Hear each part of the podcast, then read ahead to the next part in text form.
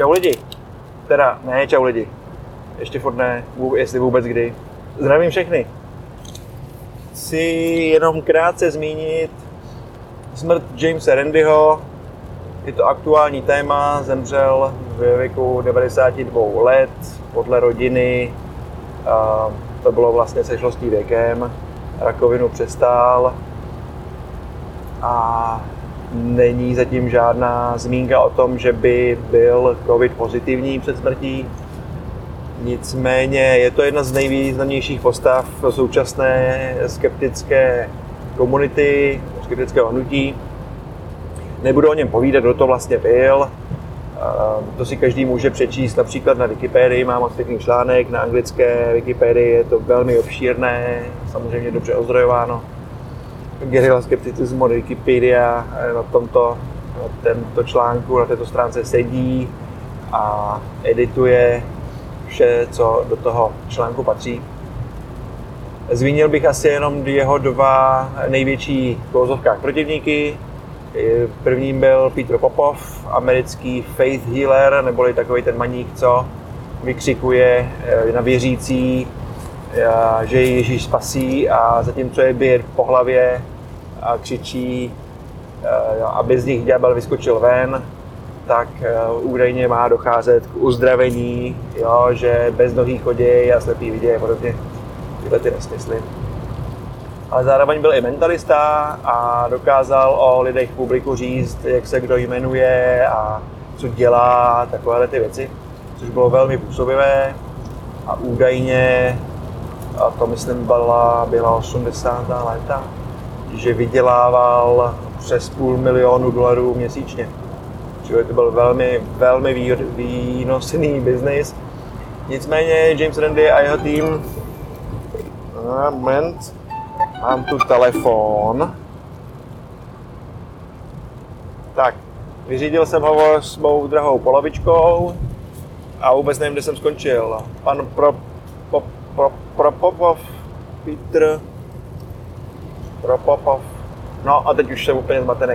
No nevadí, každopádně jsem chtěl říct, že ho debanknul takzvaně tím, že s jeho týmem, Randy a jeho tým nakráčeli na tu jeho jednu show a měli u sebe eh, přijímač rádiových vln a přestože tento pan eh, Popov, myslím, že Popov, eh, tvrdil, že tyto informace o publikum našeptává Bůh, tak jak potom Randy do, myslím, že to bylo New York Times nebo Guardian, už nevím, a prohlásil, že je to možné, ale je zajímavé, že pán Bůh vysílá na frekvenci tolik a tolik megahertz a má přesně hlas jako, jako paní Eh, Popofová.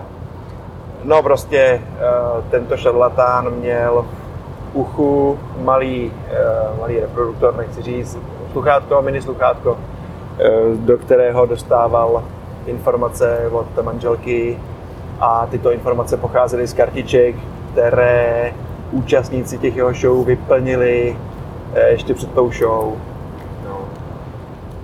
No. A druhý velký, druhý velký protivník byl Yuri Geller, taky takovýhle šarlatán, který údajně dokázal ohýbat lžíce jako Neo Matrixu, asi si řekl, žádná lžíce není, ale ohýbal i klíče, nejen lžíce a jiné, jiné příbory, dokázal pohybovat předměty na dálku a používal telepatii a prostě to byl velký mistr těchto umění který do té doby, než uh, šel na nějakou televizní show, zase předvést tyhle ty svoje schopnosti, tak Randy právě tvůrcům této show poradil, aby ty propriety, které on bude pro, ohýbat a nějakým způsobem předvádět, aby měli vlastní a nedovolili mu s nimi manipulovat předem.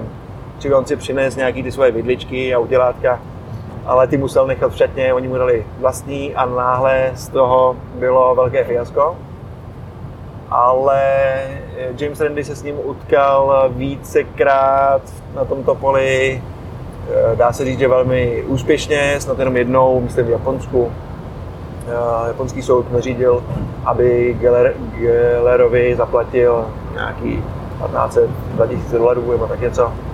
Nicméně Ameri- v Americe ho Geller se, se snažil vysoudit na pět.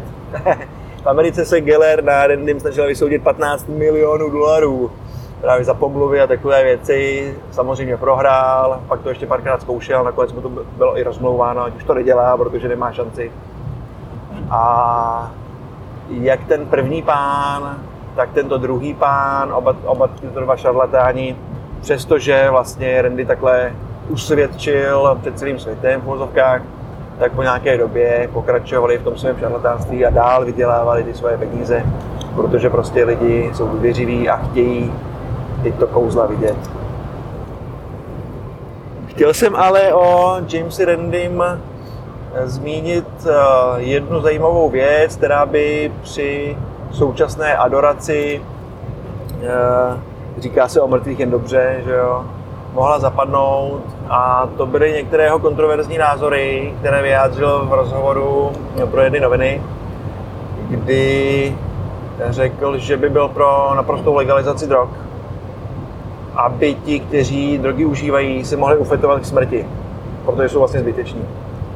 A stejně tak, eh, pokud má někdo nějakou, nějakým způsobem mentálně indisponován nebo postižen, prostě měl jak fyzický nebo mentální postižení, takže tihle lidé by se neměli rozmnožovat, protože tím vlastně ničí lidskou rasu. A ten, eh, ten člověk, s ním měl rozhovor, mu říkal něco v tom smyslu, že je to vlastně sociální darwinismus, a Randy s tím souhlasil, že ano, že on je vlastně stoupencem sociálního darwinismu.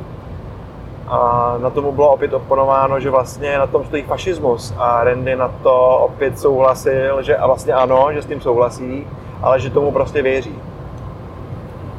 Taky to byl ročník 28, no, takže jiná doba, možná i díky tomu, nevím.